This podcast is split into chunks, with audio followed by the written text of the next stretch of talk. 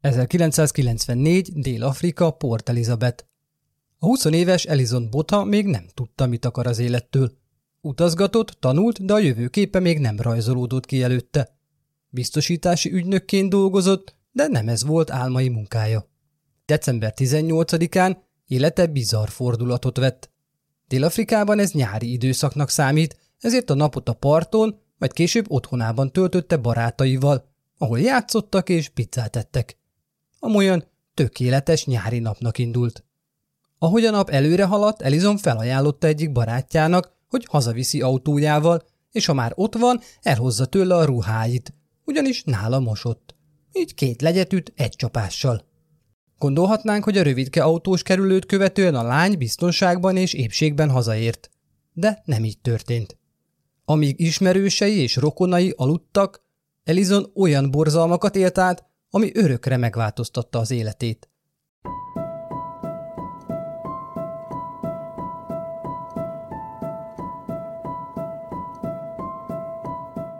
Sziasztok, Szatmári Péter vagyok, és ez itt a megtörtént bűneseteket feldolgozó Bűntények Podcast. Minden epizódban igyekszem az emberi gonoszság legmélyebb bugyraiba alászálni, és elhozni nektek az élet által írt legcsavarosabb és leghátborzongatóbb történeteket. Ugyanezen az éjjelen a 20 éves orvostan hallgató Tian Alert, aki barátaival Port Elizabethben pihent és ünnepelt, egy városon kívül úton haladt, amikor valamit megláttak az út közepén a földön feküdni. Miután megálltak, Tien kiszállt, hogy megnézze, mi lehet az a döglött nagytestű állatra hasonlító kupac, ami előttük hevert. Miután közelebb ment, elborzadva látta, hogy mi állja el az útjukat. Egy ember volt, ruhátlanul az út közepén, vérbe fagyva. Ahogy kirajzolódott a földön fekvő alak előtte, azonnal közelebb rohant, hogy segítsen neki. Egy nő volt az. A hasa teljesen felmecve. Tian közelebbről is megvizsgálta a testet. Nem csak a teljesen felnyitott hasüreget vette észre, hanem a hatalmas vágást is a nyakán. Egyik barátjának meglepő módon volt mobiltelefonja, amiről azonnal segítséget hívtak. Annak ellenére, hogy a kórház 15 percre volt csak, a mentők több mint 40 perc alatt értek ki a helyszínre. Az úton fekvő, felnyitott hasú és elvágott torkú lány Elizon Botha volt. A lány, aki csak pár órával ezelőtt indult haza mosott ruháival barátjától. De vajon mi történhetett a meggyalázott és szétkaszabolt test megtalálása és a hazaindulás között? Elizon megérkezett az otthonához, mivel lakásához közel nem talált parkolóhelyet, ezért attól valamivel távolabb tette le a kocsiját. Azt hiszem ez a jelenség ismerős lehet mindenkinek, aki valamelyik nagyváros belvárosában lakik. Ha az ember csak este később ér haza, a közeli utcák már jó eséllyel mind megteltek a parkolóautóktól. Ellison miután leparkolt, kiszállni készült kocsijából, hogy összeszedje a ruháját és felvigye a lakásába, amikor is az ajtaja mellett egy idegen férfi jelent meg, aki azonnal kés nyomott a torkához, és átparancsolta az anyós ülésre. Az idegen miután elfoglalta a vezetőülést, Clintonként mutatkozott be, és megnyugtatta a halára rémült Elizont, hogy nem fogja bántani, csak a kocsijára van szüksége egy pár órára. Elizon félelemtől reszketve ült a férfi mellett, aki vezetés közben beszélgetés kezdeményezett, és olyanokról kérdezte, mint hogy van-e barátja. Az erőltetett csevegés alatt a lány kisé megnyugodott és bizakodni kezdett, hogy a mellette ülő idegen nem fogja bántani, és tényleg csak a kocsia kell neki. Clinton teljesen normális hangot ütött meg, nem volt erőszakos vagy rámenős. Ha nem is hétköznapi beszélgetés folyt a két ember közt, arra elegendő volt, hogy valamelyest lenyugtassa a pánikoló Elizont. Clinton viszont egyszer csak félrehúzódott az autóval és szótlanul várakozott. Elizon szíve újra hevesebben kezdett verni. A csendet az autó hátsó ajtajának nyitódása törte meg. Elizon hátrafordult, és meglátta, hogy egy másik férfi ült be hozzájuk a hátsó ülésre. Minden reménye elszállt, és ereje elhagyta, hogy összeakadt a tekintete a hátra beülő férfival, akinek gyilkos szemétől a hideg futott végig a hátán. Abban a pillanatban már tudta, hogy a két férfi nem csak az autóját akarja, hanem őt magát. Ekkor még a város határain belül voltak, de ahogy Clinton a fényektől egyre távolabb vezette az autót, Elizon erejében a vér kezdett megfagyni. A hármas végül a városon kívül húzódott le az útról, ahol már a távolban sem látszottak az utcai lámpák. A csend az autóban egyre bántóbbá vált Elizon számára. Clinton ekkor nyugodtan felé fordult, és csak annyit kérdezett, hogy ellen fogsz állni. Elképzelhetetlen, hogy pontosan mi futhatott végig ekkor Elizon agyán. Ellenálljon? Ellenállhat egyáltalán, vagy ellen kellene állnia? Mielőtt még válaszolhatott volna, a döntést meghozta helyette a hátsó ülésen ülő férfi, aki kinyitotta a kocsi ajtót és kiszállt, kettesbe hagyva így a lányt Clintonnal. A következő részek, és ez igaz az egész további epizódra, felkavaróak. Meghallgatásuk 13 éven aluliak számára nem ajánlott. Clinton Elizont először orális szexre kényszerítette, majd ő maga is orális kényeztetés erőszakolt a lányra. Mindeközben beszélt hozzá. Olyanokat kérdezett tőle, hogy vajon csinál-e neki ilyet a pasia.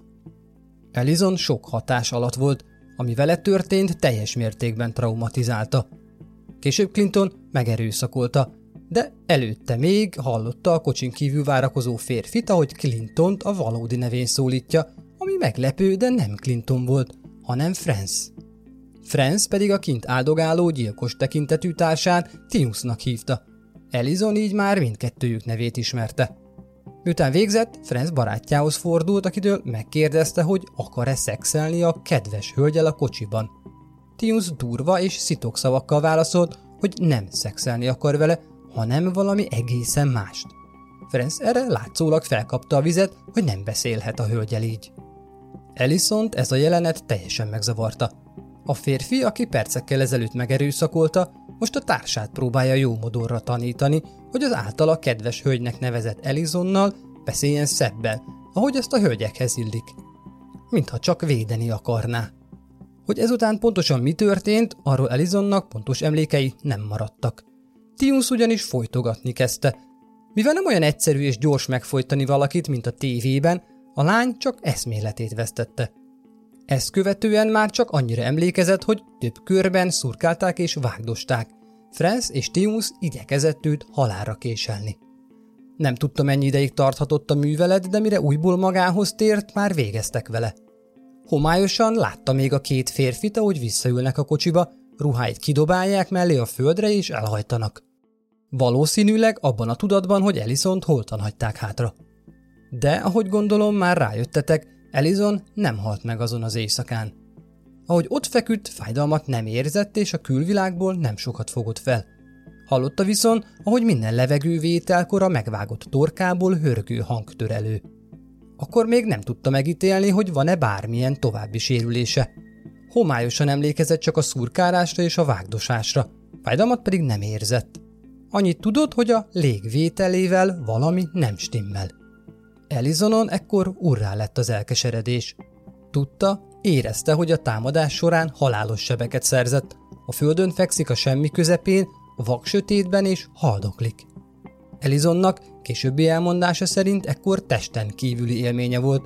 A hörgése elhalkult, és kívülről kezdte látni magát a sötétben a földön fekve. Miközben figyelte magát az életéért küzdeni, érezte, hogy választhat – Visszamehet a testébe, vagy hagyhatja azt a földön. Fizikailag érezte a választás lehetőségét. Az életet választotta és visszatért a testébe. Hogy pontosan hogyan, azt nem tudta, csak annyit, hogy dönthetett, és miután ő a maradást választotta, újból a brutálisan összevágdosott testében volt a földön a semmi közepén, mesztelenül.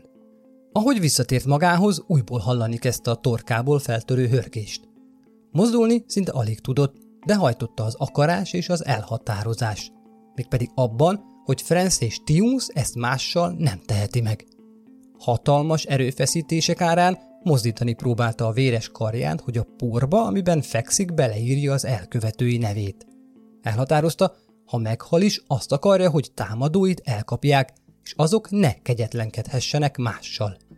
Sikerült is neki. A nevek alá pedig annyit írt, szeretlek anya.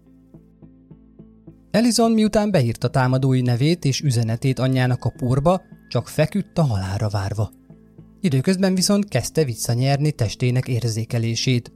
A kezdeti adrenalin lecsengőben volt, a fájdalom érzet és az érzékelés úgy általában ha lassan is, de visszatért nála. Valami nedves volt a lábainál. Újbóli figyelmeztetés. A továbbiakban felkavaró sérülésekről lesz szó. 13 éven aluliaknak és akik erre érzékenyek, nem ajánlott. Kis időbe beletelt, de Elizon rájött, hogy a belső szervei a testén kívül a két lábán és a földön hevernek. Ez volt az a nedves érzés, amit a lábainál érzett. Óvatosan lenyúlt és érezte, hogy a hasának tartalma nem a testében, hanem azon kívül részben a lábaira, részben pedig azok mellé ki van fordulva. Pánik futott rajta végig, hogy ez bizony nem jó jel. Viszont emlékezett, hogy valahol a közelébe dobták le a ruháit támadói, amikor elhajtottak. Próbált abba az irányba, amennyire csak tudott a kezével kinyújtózni. Emlékezzünk rá, hogy a hasát teljesen felhasították, ezért nem igazán tudott és mert teljes testében megmozdulni. Valahogy sikerült elérnie a felsőjét, amivel óvatosan visszahelyezte a belső szerveit a hasába. Majd a ruhadarabbal a kezében igyekezett azokat bent tartani. Elizon felismerte, hogy valahogy meg kell mozdulnia. Valahogy el kell indulnia és keresnie kell egy helyet, ahol segítséget kaphat. Nem messze magától autókat látott elsuhanni az éjszakában. Tudta, hogy arra, hogy ott megtalálják, ahol most van, nagyon kevés az esély. Nem látja senki, így nem is segíthet rajta senki. Ha túl akarja élni, akkor meg kell próbálnia megmozdulni. Lábait felhúzta, oldalra fordult, majd térdre emelkedett.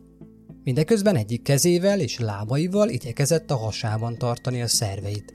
Majd gyakorlatilag egy kézzel próbálta vonszolni magát előre. Perceken belül rá kellett jönnie, hogy így nem fog eljutni az úthoz.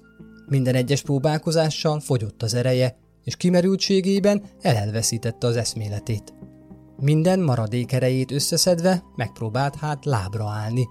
Mindeközben egyik kezével szorosan testén belül tartotta a szerveit. Ámulatba ejtő, hogy az ember életösztöne mire nem képes. A művelet közben idegesség fogta el. Tudta, hogy nem lesz második esélye. A nyakán lévő vágáson keresztül lélegzett, a belej kifordultak, folyamatosan vért veszített és percről percre gyengült. Amikor végül sikerült magát állóhelyzetbe emelnie, minden elsötétült körülötte. Nem tudta, mi történt, annyit tudott, hogy nem ájult el, mert állt és gondolkozott. Látni viszont nem látott csak feketeséget. Szabad kezével felnyúlt a személyhez, hogy megvizsgálja, mi történhetett vele. Eközben a nyakán lévő sérülést is megtapogatta. Meglepetésére kezével nyakának belsejét érezte. Szó szerint belenyúlt a saját torkába.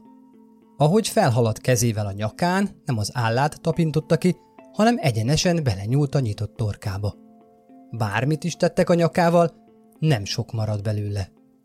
Elizont sokkolta a felismerés, hogy az ok, ami miatt nem találja az állát, az az, hogy a nyakából alig maradt valami, ami a fejét megtarthatta volna, ezért amikor felállt, az teljesen hátrabukott a lapockái közé. Azért nem látott csak feketeséget, mert felfelé a sötét éjszakai égbolt felé nézett. Teljes őrület. Fogalmam sincs, hogy Elizon mentálisan hogyan lehetett ennyire tudatába annak, hogy mi történik vele, és hogy pontosan milyen állapotban van. Szabad kezével hátra nyúlt és előre billentette a fejét, hogy szemeivel előre lásson és tovább tudja magát vonszolni az út felé. Az, hogy hogyan sikerült neki tovább haladnia, nem tiszta. Elizon nem igazán emlékezett arra a részre, amikor zombi módjára vonszolta szétkaszabolt testét az úttest felé, miközben egyik kezével a hasatartalmát igyekezett magában tartani, a másika pedig a fejét a helyén. Bár nem emlékezett, hogy hogyan, de eljutott az útig. Ahogy odaért, azonnal összeesett. Innen már nem tudott tovább küzdeni. Valahogy összekaparta magát és kívánszorgott az útig, de többre már nem volt ereje. Át kellett, hogy adja a sorsát mások kezébe. Ahogy ott feküdt és próbálta életben tartani magát, csodával határos módon egy autó megállt a földön heverő teste mellett. A reménye viszont félelemmel keveredett. Attól tartott ugyanis, hogy France és Timus az, akik épp visszajöttek érte, vagy csak ellenőrizni, hogy biztosan meghalt-e. Lehet hiba volt kimásznia az útra és ott elterülnie? Az autó viszont csak egy pillanatra állt meg mellette, majd tovább hajtott. Embertelen elhajtani egy segítségre szoruló mellett. Azt el tudom képzelni, hogy van olyan, aki egyszerűen nem mer közelebb menni egy majdnem kibelezett és lefejezett véres testhez. Segítséget hívni viszont távolabbról is lehetett volna. A következő autó is lelassított és megállt mellette. Utasai pedig ki is szálltak. A fiatal állathorostan hallgató és barátai voltak azok a történet elejéről. Oda rohantak hozzá, és meghökkenve látták, hogy milyen borzasztó állapotban van. Elizon szemei nyitva voltak, viszont beszélni, reagálni nem tudott. De azt érezték, hogy életben van. A fiatal fiú saját pólójával igyekezett a vérzést visszatartani, és a várakozás hosszú 40 percében végigfogta a földön fekvő Ellison kezét.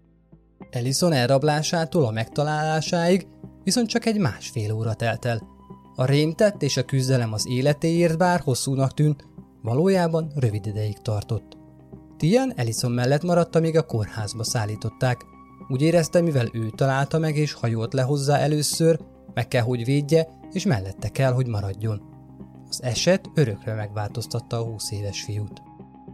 Amikor az orvosok végül kezük közé kapták Elizont a kórházban, teljesen ledöbbentek attól, hogy a sebek milyen durva támadásról árulkodnak. Brutális, embertelen támadásról. Nehéz egy olyan elme mögé látni, aki miután megerőszakolt egy nőt, neki esik egy késsel, majdnem kibelezi és levágja a fejét, közben pedig szurkálja, ahol éri. Nézzük meg a doktorok szemszögéből a sérüléseket, nem Alisonéből, aki csak érzésből következtetett arra, hogy mi történhetett vele, hanem az orvosok szemszögéből.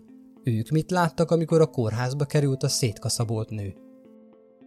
A vágás Elison nyakán hatalmas volt, gyakorlatilag fültől fülig tartott.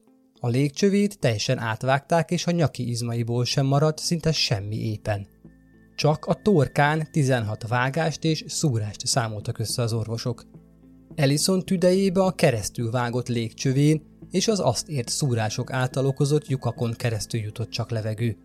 Egy szóval nem az orrán vagy a száján keresztül lélegzett, hanem a szétnyiszált és szétszurkált torkán légcsövén. Ez adta ki a hörgő, gurgulázó hangot. Az Ellison testén található sérüléseknek ez viszont csak a hegy csúcsa volt. A testén és szeméremdombja környékén összesen 36 darab vágott sebet találtak. A hasi részt olyan sok érte, hogy a belső szervei kibuktak. Ezt az is bizonyította, hogy azok koszosak voltak. Por és avar borította őket. Az orvosok innen tudták, hogy valamikor érintkezhettek a külvilággal, mielőtt visszakerültek a hasüregbe. Dr. Dimitri Angelo volt az, akit a súlyos sérült Elisonhoz riasztottak. Mindenki azon aggódott, hogy a csodával határos megmenekülése után vajon sikerül-e megmenteni az életét. Elizon ekkora már alig volt életben. Az orvosok a beavatkozással azt kockáztatták, hogy megölik őt. Ha te is megtörtént bűnesetek rajongó vagy, akkor látogass el a bűntények Facebook és Instagram oldalára. És ha már ott jársz, lájkold vagy oszd meg a bejegyzéseket, ezzel segítve a csatorna további növekedését. Ha még több hátborzongató vagy izgalmas esetre vágysz, akkor hallgass vissza a régebbi részeket, amiket megtalálsz Spotify-on, iTunes-on, vagy ahol hallgatod a podcastjeidet. De most vissza a történethez. Megtisztították és lemosták a koszos szerveket, visszahelyezték azokat és bevarták a vágásokat, majd helyreállították Ellison légcsövét és garatát. Hogy pontosan meddig tartott a beavatkozás, azt nem lehet tudni, de megközelítőleg csak egy nappal később tolták át az intenzív osztályra. Valószínűleg több műtétet is végrehajtottak ez idő alatt rajta. Bárki is vigyázott rá oda fentről, túlélte a beavatkozást, és túlélte egy túlélhetetlen támadást. Valahogy élve került ki a gonosz markából. Mindenki tisztában volt azzal, hogy csoda, ami történt, és csodaként is tekintettek Elizonra. Alig felfogható, hogy hogyan lehetett még életben, amikor Tian és barátai megtalálták. Arra pedig végképp nem volt magyarázat, hogy hogyan tudott ilyen sérülésekkel lábra állni és kijutni az útra. Nem is beszélve arról, hogy az egész eset alatt majd, hogy nem végig eszméleténél maradt. Az egyik csodákban kevésbé hívő orvos, aki Elizonon dolgozott abban a 24 órában, végigvette a sérüléseket és a következő magyarázattal szolgált a túlélésével kapcsolatban. Elizon nyaki erei a nyakat ért 16 szúrás és vágás ellenére sértetlenek maradtak.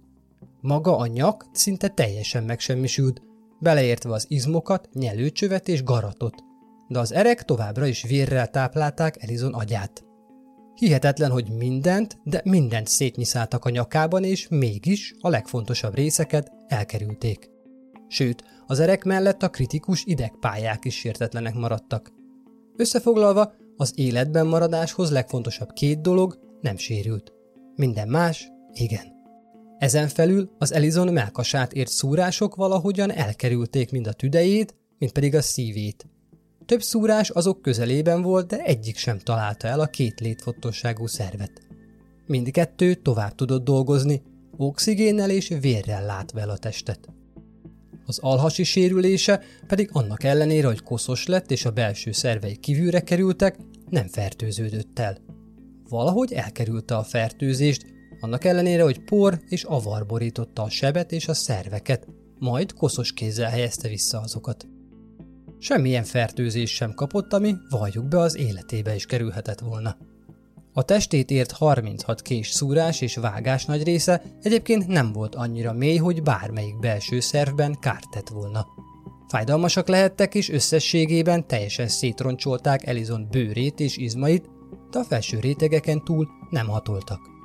A csoda ellenes orvos végső következtetése az lett, hogy Ellison vágásai és szúrásai elkerültek minden olyan területet, ami a nő azonnali halálát okozhatta volna. És elismerte, hogy ez bizony, a sérülések hatalmas számát tekintve, felért egy igazi csodával. Természetesen a kórház értesítette a rendőrséget is, hogy erőszak és gyilkossági kísérlet történt, aminek az áldozata Ellison Bota. Mivel Elizon ismerte elkövetői Tius és Franz neveit, a rendőröknek volt honnan kezdeni a nyomozást. Nem mellesleg pedig már ismertek egy Franz Dutoit egy megelőző erőszak kapcsán. A nyomozók a lábadozó Elizon kezébe adtak egy képpel teli füzetet, aki Franz képét meglátva azonnal hevesen jelezte, hogy ő az egyik elkövető, és egy papírra le is írta annak nevét. Beszélni, ugyanis még érthető okból nem tudott, írni viszont igen. A rendőrök azt is tudták, hogy Franznek van egy Tiums nevű barátja, és amikor Elizon az ő képét is felismerte és leírta a nevét, világossá vált, hogy megvannak a brutális támadás elkövetői. Be is gyűjtötték a két aljadékot, hogy kihallgassák őket. A vezető ügyész viszont nem volt elégedett az ügy megalapozottságával. Nem volt neki elegendő, hogy Ellison leírta az elkövetők neveit, miután felismerte azok képeit.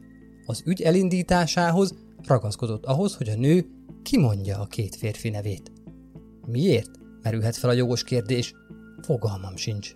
Teljesen érthetetlen. Elizon ekkor egy csövön keresztül lélegzett, a légcsövét és a hangképző szerveit még nem tudta használni. Ahhoz, hogy megpróbálhasson beszélni, a csövet ki kellett volna venni, és ezzel veszélyeztetni a légcső gyógyulását. Amikor a hatóság elmondta neki, hogy a főügyész nem biztos, hogy beleegyezik a France és Tinus elleni fellépésbe, ha csak nem mondja ki a neveiket, Ellison egy papírra annyit írt, vegyék ki a csövet. Az orvosok ki vették azt Ellison torkából, aki nagy nehézségek árán, de verbálisan is megerősítette, hogy támadói France és Timus voltak. Elizon családját elrablása reggelén értesítették, de ennek ellenére még napokig nem találkozhattak vele, amíg a műtétek folytak, és Elizon kritikus állapotban volt. A családtagok elmondása alapján az első látogatás borzalmas volt. Egyrészt akkor már tudták, mi történt a lányjal, másrészt a kórházi ágyban fekvő Elizon ijesztő látvány nyújtott. Amikor kinyitotta a szemét, hogy rájuk nézzen, annak teljes fehérje vérben ázott. Ellison eközben ugyanabban a kórházi ágyban azon aggódott, hogy nem fog emlékezni azokra, akik segítették vagy megfordultak nála. Ezért felépülését követően nem sokkal újsághirdetésben köszönte meg mindenkinek a támogatást és a segítséget. Elizon tudta, hogy bár túlélte, hosszú lábadozás, valamint egy bírósági ügy vár még rá, és mindkettő évekig elhúzódhat. A hasonló támadások áldozataira az eseteket követően még sok megpróbáltatás vár. Először is fel kell épülni a fizikai sérülésekből, ami sokszor fájdalommal jár. Másodszor pedig kezelni kell a pszichés sérüléseket is. Végül pedig szembe kell nézni a bírósági eljárás során az elkövetővel vagy elkövetőkkel. Ez nem fair, Persze, az sem fair, hogy egyáltalán ilyen megtörténhet. Ellison számára a fizikai felépülés rettenetes fájdalmakkal járt. Sokkal a támadás követően is még erős fájdalmai voltak. Ráadásul a sérüléseit folyamatosan ellenőrizték.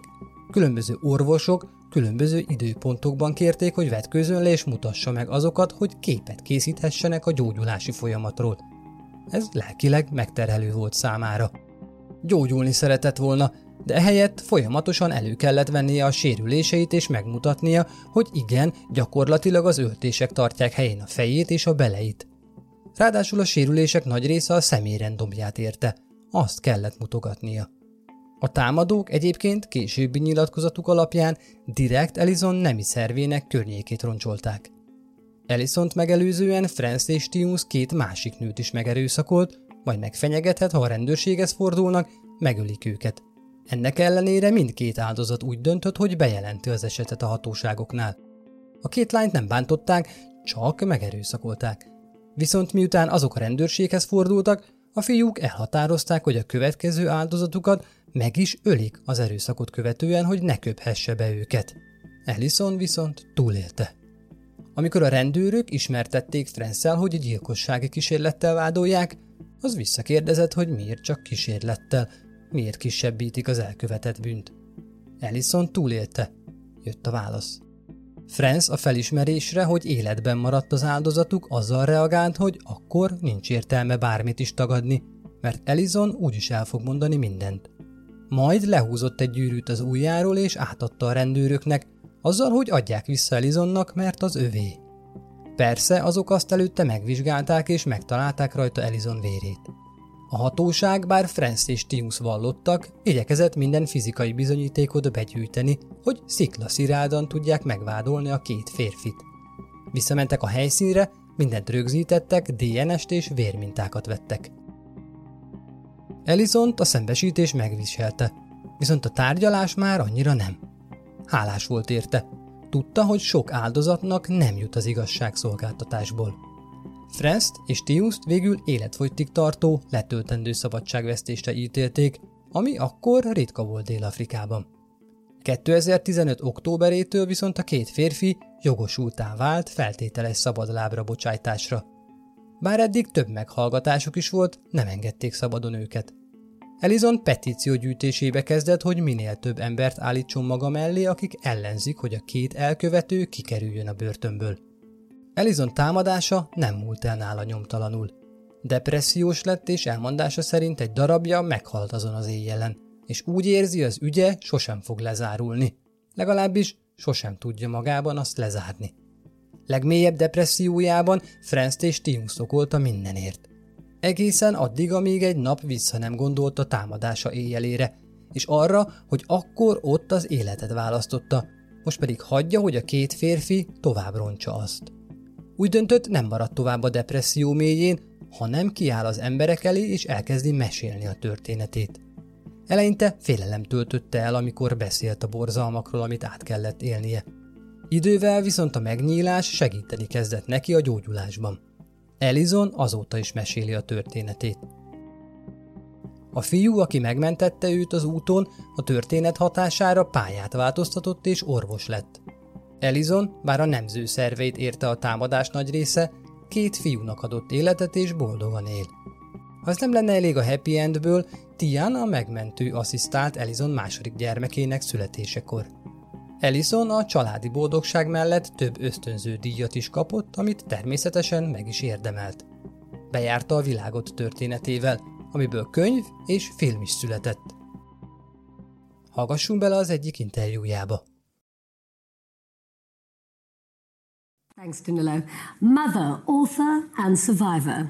Anya szerző és túlélő. Egy hihetetlen nő a mai vendégünk. Miután túlélt egy borzalmas támadást, ami majdnem a halálát okozta, az átért borzalmakat arra használta fel, hogy oktassa a körülötte élőket. Történetének filmváltozata idén évvégén jelenik meg. Üdvözöljük Elizon Botát. Köszönöm, örülök, hogy itt lehetek. A dél-afrikaiak nagy része ismeri a történetet. Azoknak a nézőknek a kedvéért, akik véletlenül nem, összefoglalnád, hogy mi is történt veled azon a borzalmas éjszakán 1994-ben?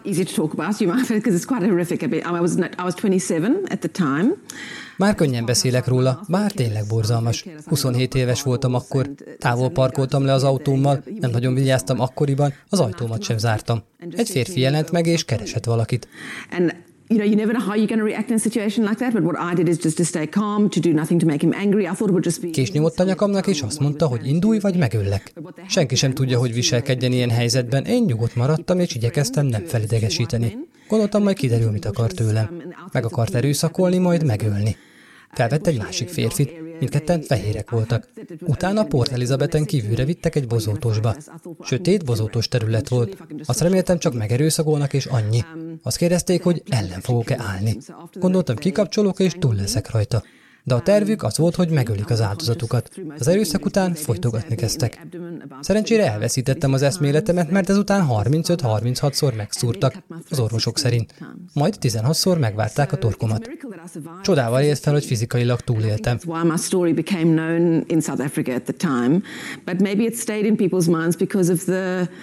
Azt hiszem, ezért is lett olyan ismert Dél-Afrikában a történetem, meg azért, mert elkapták őket és életfogytiglant kaptak. Én pedig beszélni akartam róla, nem csak arról, amit átéltem, hanem azt is, amit tanultam ebből az egészből. Minél többet beszéltem róla, annál gyorsabban gyógyultam, magam is. A történetedet hallva nagyon könnyű haragot és utálatot érezni. Hogy tudtál ezeken felül emelkedni és ebből a borzalomból kikeveredni? Without taking a turn for the worst, I suppose. Instead you came out tops. It's easy to do, and I did do it for a while. Igaz, nagyon könnyű ezt érezni, én is őket hibáztattam. Depressziós is voltam. Az egész ügy után, amikor a tárgyalás is lezajlott, nem tudtam, hogy mit kezdjek a megváltozott életemmel. Mély depresszióba estem, és nem igazán tudtam, mit tegyek. Um, Terápiával és idővel, de leginkább döntésekkel sikerült. Emlékeztettem magam, hogy azon az este, amikor választhattam, élet és halál közt az életet választottam. Őket okoljam azért, hogy éreztem magam? Ők már a múlt. Meg volt a saját pillanatuk. Ha továbbra is rájuk haragszom, akkor ez azt jelenti, hogy még mindig erővel rendelkeznek felettem.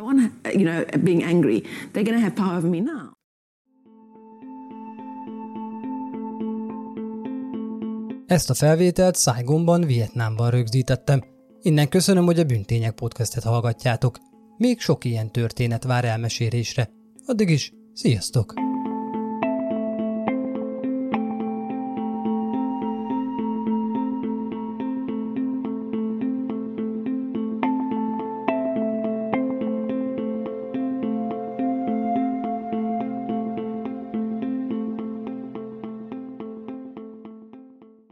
Ha más podcastekre is kíváncsi vagy, hallgassd meg a Béton műsor ajánlóját.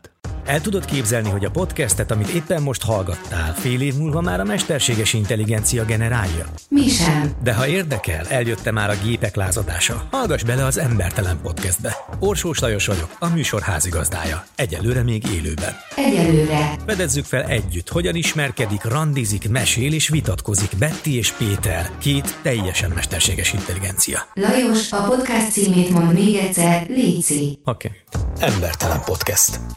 Ez a műsor a Béton közösség tagja.